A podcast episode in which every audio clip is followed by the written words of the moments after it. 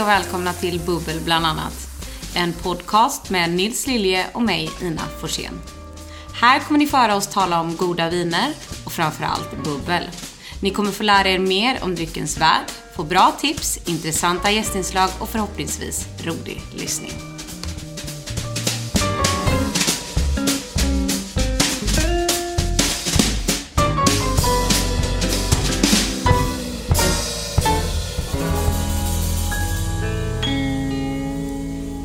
Välkomna till andra avsnittet av Bubbel bland annat. Vi är väldigt glada att spela in avsnitt nummer två. Och vi har faktiskt fått in lite roliga frågor från förra avsnittet som vi tänkte att vi skulle gå in på lite idag och besvara. Eh, kommer Nils här med lite goda grejer. Eh, jo, eh, vi har från Eva en fråga som är vad skiljer sig de olika bubbelsorterna? Alltså, vad är champagne? Vad är cava? Vad är prosecco? Vad är sekt egentligen? Ja, Eva. Eh, allt är inte guld som glimmar, brukar jag säga. Men, eh, och det är precis det som det här avsnittet kommer handla om. Och vi kommer försöka bena ur det hela i eh, de olika tillverkningsmetoderna. Då. Sen har vi också fått lite andra frågor som vi tar lite mer mot slutet. Då. Men eh, först en liten rättelse eller tillägg då. Vi pratade om Subois förra avsnittet. Och då eh, pratar vi alltså, Subois är en smakpalett, skulle man kunna kalla det, som är då med skogsjordnära toner. Men Subois kan också på franska betyda att det är ett ekfatslagrat vin helt enkelt. Att det har legat på ekfat.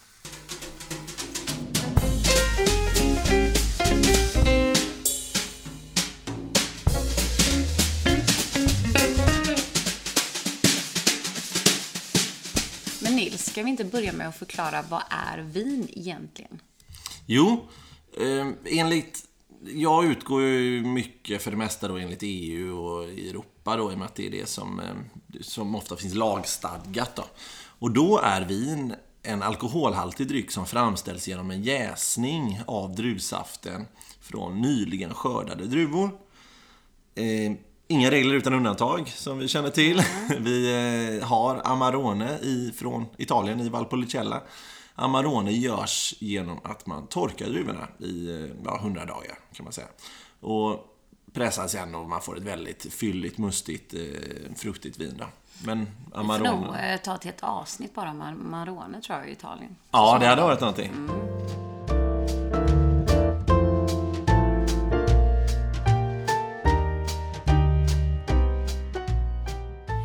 Men vad säger du Nils, eh, ska vi inte bara gå igenom de olika teknikerna som finns? Alltså hur man får till kolsyra i vin?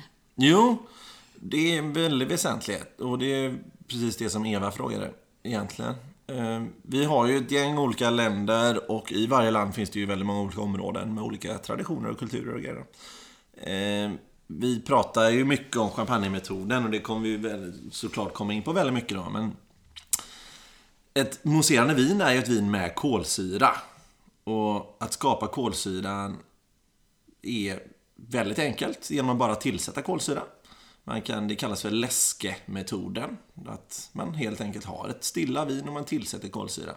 Då får man ofta ganska stora, lättflyktiga bubblor som inte är så integrerade.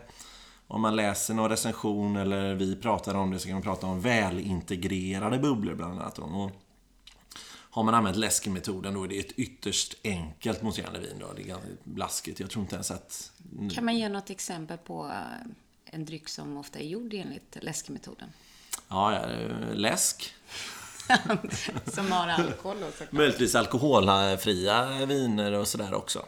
Nu gör man ju väldigt bra alkoholfria drycker, alltså mousserande viner med olika tekniker och de blir ofta ganska dyra för det är ganska dyr och att, dyrt att avalkoholisera ett vin och sådär. Men eh, det är en typisk metod då. Och en, alltså mycket billigare, om man är utomlands till exempel så kan man köpa väldigt, väldigt billiga mousserande viner och då är det ofta en, en läskemetod helt enkelt.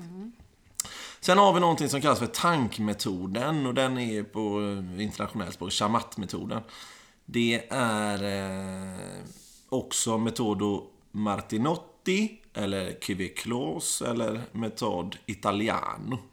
Och det här är en typisk gammal metod ifrån eh, utvecklades 1895 av Federico Martinotti och vidareutvecklades sedan av en Monsieur då, Chamat, eller Seniore. Ja. Senior Chamat. Ja. År 1907 då. Så han... Eh, det innebär att man gör först en jäsning på ståltank och sen så gör man andra jäsningen också på ståltank. Så man har ett stort trycktank där man eh, jäser, skapar en kolsyra med hjälp av då koldioxid som skapas under jäsningen. Man har många tusen liter, man skapar jästfällningen i den här stora tanken och man får, måste sedan då filtrera och slanga över för att få ner det i varje unik flaska helt enkelt. Så att det är en, en, en metod för att göra ett mousserande vin. Det är ganska vanligt. Prosecco görs bland annat via den här metoden. Men eh, man tappar ganska mycket finish och eh, känsla, tycker jag, helt enkelt. Sen finns det ursprungsmetoden. Ursprungsmetoden är eh, den äldsta dokumenterade metoden från tidigt 1500-tal. Och det är den som champagnemetoden sedan har tagit sitt språng från, skulle man kunna säga. Så ursprungsmetoden skiljer sig från champagnemetoden via att man första jäsningen och andra jäsningen är samma jäsning. Så att man avbryter första jäsningen så att man har kvar druvans naturliga socker för att sedan tappa upp på flaska, sätta på en kork eller kapsyl och skapar ytterligare en jäsning och skapar koldioxiden som skapar kolsyran. Är det inte det man lite trodde hände när man liksom kom på champagnemetoden? Att man just tappade ett stilla vin som inte hade jäst klart på flaska. Och sen så började det jäsa när det var Ja, precis. På, Men... Och så öppnar man upp och så hade man helt plötsligt mousserande vin. Jag slår upp lite i glaset här. Ska vi bara fortsätta här? Jo, precis. Det är det som det finns en, en, en historia om det. Att man... Eh, man buteljerade vinerna. Man, det jäste fram till eh, efter skörden. Jäste fram till vintern kom. Och så tänkte man, ja det har slutat jäsa. Vinet är klart. Alkoholen är skapad. Druvsockret har jäst ut. Så vi buteljerar på flaskan. Men sen när våren kom till så steg värmen. Och jäsningen började antagligen på nytt. Så att det blev för kallt till en början. Så därför stannade jäsningen av då helt enkelt. Så då hade man fortfarande socker kvar i vinet som man buteljerade. Men det var för kallt för att det skulle kunna jäsa. Så att till våren då när det började bli varmare igen så, så började det jäsa och flaskorna var för svaga helt enkelt. Så att det sprängdes och small och allt vad det hade för sig. Och den traditionella champagnemetoden eh, då är det ju så att man jäser ett stilla vin först, klart, jäser ut det, som kallas för vin du clair. Sen så tappar man det stilla vinet på flaska, tillsätter jäst och socker för andra fermenteringen då, att vinet ska jäsa en gång till. Ja, precis. Så det måste ligga minst 15 månader, säger man på sin jästfällning då, att kallas champagne. Och det som är skillnaden här är ju egentligen, använder man läskemetoden, som vi var inne på, man får stora flyktiga bubblor. Använder man den traditionella metoden ja, ursprungsmetoden som vi var inne på, det, den är ganska ovanlig idag. Det förekommer inte jättemycket. Det förekommer i vissa områden i Loire, som det första bubblet vi testar här nu. Och eh, det är framförallt champagnemetoden, eller den traditionella metoden, som är stor idag då.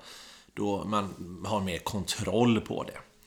Så skillnaden mellan det är att man får mycket mer jämna, små, fina, välintegrerade bubblor i då vätskan helt enkelt. För att man får en eh, mer elegantare dryck som varar längre. Men Nils, eh, nu känner jag att du har suttit och smuttat på det här vinet i glasen tillräckligt länge eh, för att vi får nog börja dela med oss lite om vad vi dricker. Ja, jag kör på en skvätt till där bara Ja, tack så mycket. Det här är ett mousserande vin från Frankrike, från Loiredalen. Det heter Domaine de Vieux Pressoir från Samur. Eh, Samur Fin Bull, helt enkelt. Då. Så det är små fina bubblor ifrån det där området i Loire. Eh, Domaine de Vieux Pressoir är en, eh, en trevligt budgetalternativ till champagne, tycker jag helt klart. Det här är en, eh, Ja, vad tycker du? Ska Jag tycker vi... den är väldigt trevlig. Och den är gjord, kan vi väl säga, enligt just champagnemetoden. Ja, precis. Så att jo, då det ligger inte jättelångt ifrån champagne Nej. Loire då, ska man ju säga. Så Och det är både Chenin Blanc och Chardonnay. mm.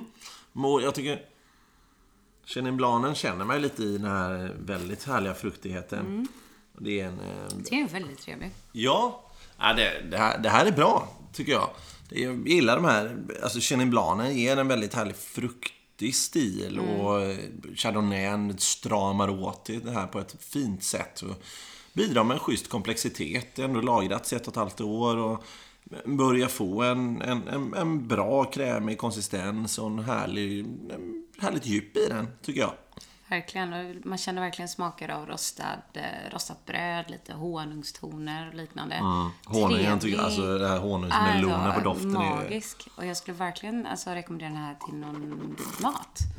Eh, hade varit fantastiskt till. Ja, undrar vad man skulle ha till den här. ah, Lite kyckling kanske, sallad, En liknande. gravad lax eller det. Ja, gud vad gott. Ja, faktiskt. Sen kanske det är viktigt också att poängtera just att, som vi nämnde innan, att detta är gjort enligt champagnemetoden.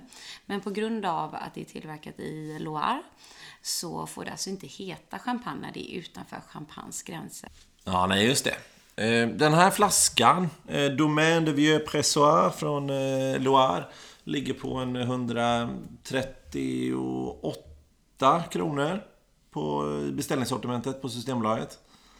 Eh, men ett bra pris. Det, det är en trevligt, ett, ett schysst pris för eh, men ett välgjort vin, får man säga. Ja, gud ja. Det kan ligga ett tag och gotta sig hemma, det känner man. Och funkar både som en fördrink och ett... Eh, jävlar. Till lite mat. Och till mat, helt enkelt.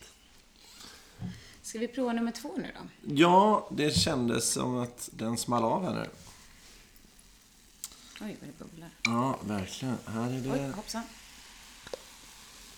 Här... Känns lite vild när du häller, Nils. Vad har vi här nu, Rina? Eh, jo, men då har vi ju en eh, kava från eh, Spanien. Och kava görs ju också oftast enligt champagnemetoden. Eller man har ganska mycket regler, precis som man har i eh, champagne. Alltså vinet måste jäsa på flaska eh, för att få kallas eh, kava då. Ja, just det. Och eh, denna kavan som jag har valt, det är en organisk Grön och fin, ja. kava. Ja, grönt. Ekologiskt då, Som är ekologiskt, precis. Och det är bruttnatur, alltså det är ingen tillsatt socker i. Nej, det tycker jag är rätt just med Spanien då. Att cava är ju, är ju från Spanien. Att cava växer ju generellt varmare än vad champagne gör. Mm. Så man, jag tycker inte man behöver tillsätta så mycket socker egentligen i cava. Utan man får en väldigt fin fruktighet av den, den högre värmen och temperaturen Precis, som är då, precis. klimatet. Jag tycker det är generellt mycket trevligare att dricka när det inte är för hög sockerhalt i. Det blir liksom lite sliskigt. sådär, Mm. Verkligen. Kan jag känna. Verkligen. Detta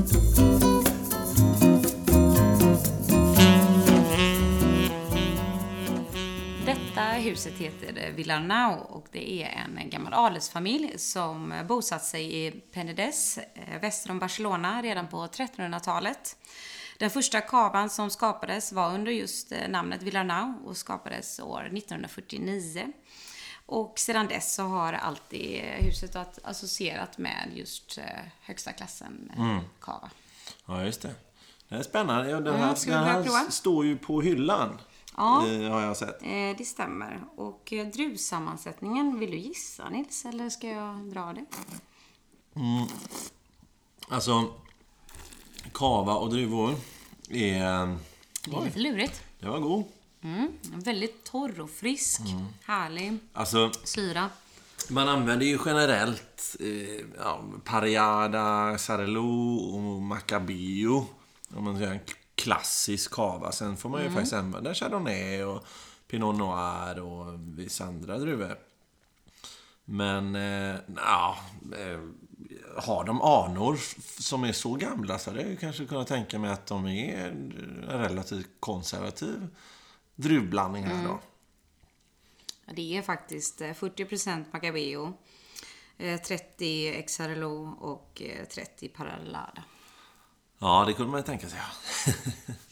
Men vad är smaken här då? Är den... Eh, Ja, den är frisk.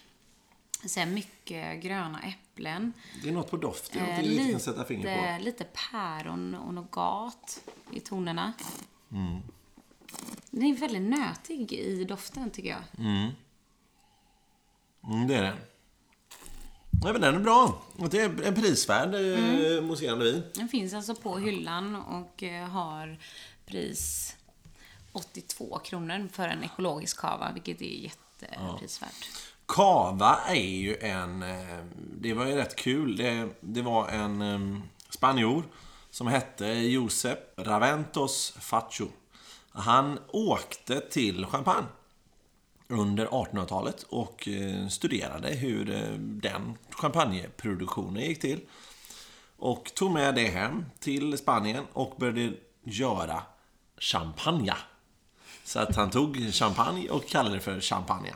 Och det hette champagne fram till 70-talet nu, 1970, då man varumärkesskyddade helt enkelt champagne. Och man döpte om det till cava från då, jag tror att det är katalonska för just grotta och källare där man lagrar bubblet då under, under tiden helt enkelt. Så det är en, eh, lite spännande. Ja. Eh, vi har ju fått lite fler frågor som vi nämnde tidigare i eh, avsnittet. Och vi har en till eh, fråga här från eh, Lina. Och hon undrar just, alltså eftersom man kan göra enligt champagnemetoden som det heter i flera delar av världen när man gör mousserande vin. Vad är det då som gör att det smakar så annorlunda från till exempel när du gör mousserande vin i Spanien eh, kontra då just Frankrike? Ja, det är alltså jordmån. Man pratar ju mycket om terroir. Eller man pratar främst om terroir. Sen har man ju druvor, man har olika... Alltså man kan använda olika jäsningstekniker, man kan använda det ena och det tredje.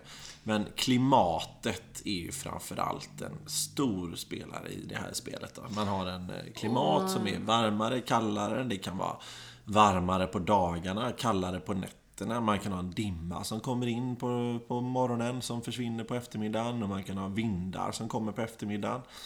Och sen är det ju jordmånen då, att man har en, som i champagne, en väldigt kalkrik jordmån, som är väldigt karg. Det kan man ha väldigt eh, stenig, lerig. Man kan ha olika sorters, alltså många, flera lager av olika jordmåner då. I, så att när vinstockarna, det här skrev jag ett inlägg om på Vinhjälpen igår, att, en, att gamla stockar då som är 40, 50, 60 eller upp till 100 år gamla, de letas ju längre och längre ner hela tiden. Och letar de sig längre och längre ner så kommer de också igenom mer olika sorters jordar och sådär helt enkelt. Och det man kan säga är väl att för att man ska förstå då är att det är rötterna som där upp sig i vinrankerna, det är det som sen genererar smaken i själva druvorna. Ja, precis. Det är Och, väldigt unikt, ovanligt. Man vet inte riktigt hur det funkar, men det funkar. och terroir just, det är ju just jordmån på franska. Och terroir, när man använder det i vinspråk så innebär det just klimatet också.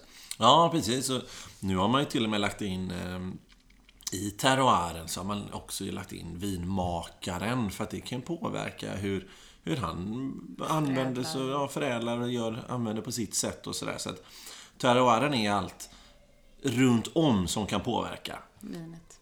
Men, och sen för att kanske besvara då Linas fråga så är det väl så att terroir då som vi pratar om att klimat och jordmån är unikt på varje ställe som det finns och existerar i hela världen. Vilket gör att du kan inte kopiera det. Eh, Och därför smakar vinet olika. Och ja, det var en fin sammansättning. Vackert. tycker jag vi skålar på. Ja, det gör vi. Skål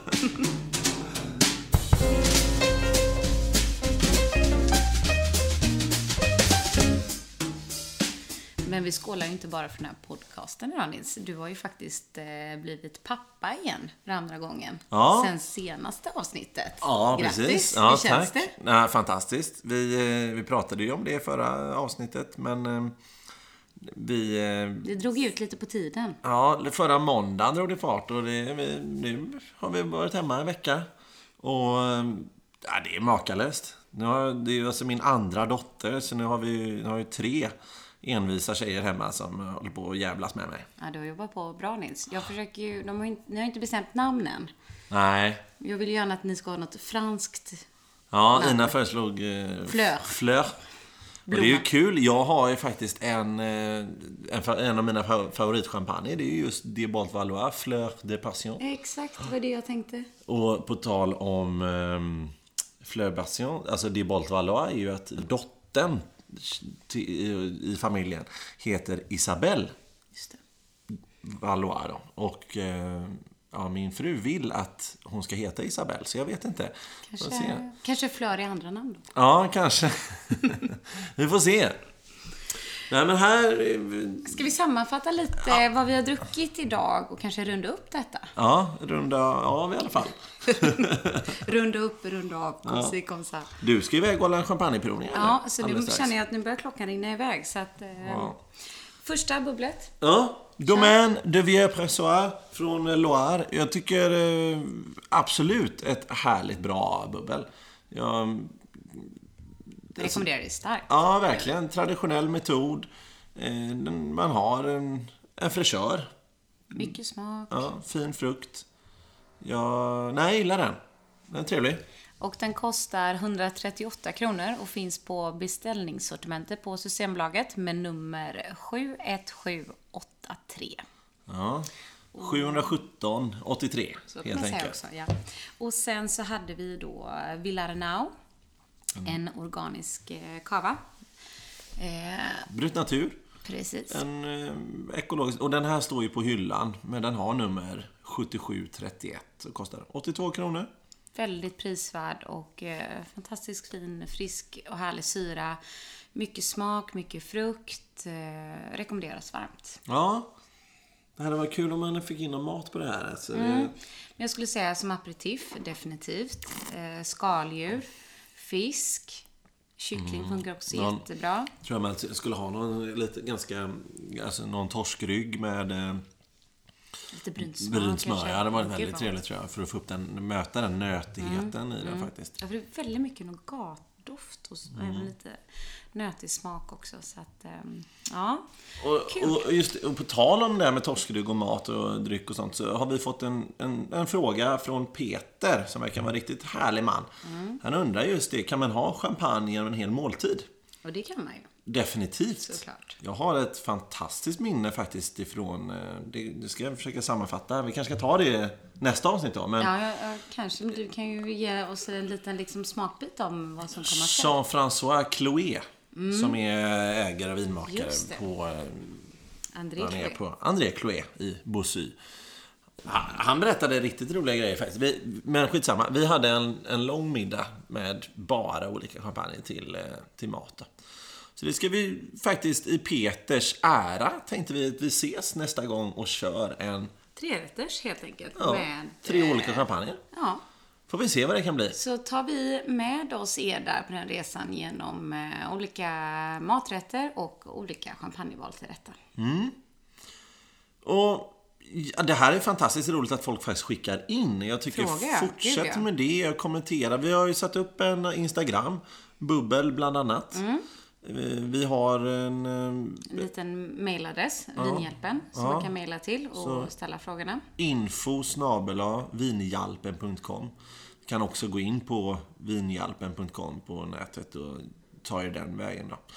Och jag tycker det är fantastiskt roligt att vi får frågor och det är väldigt roligt att faktiskt utmana oss själva lite. Mm, verkligen. Och förhoppningsvis kunna svara på dem Mm. på bästa sätt. så Ni känner er nöjda och glada. Så eh, gå in och följ oss. Prenumerera på våran podcast. Eh, Finns eh, där den ska finnas.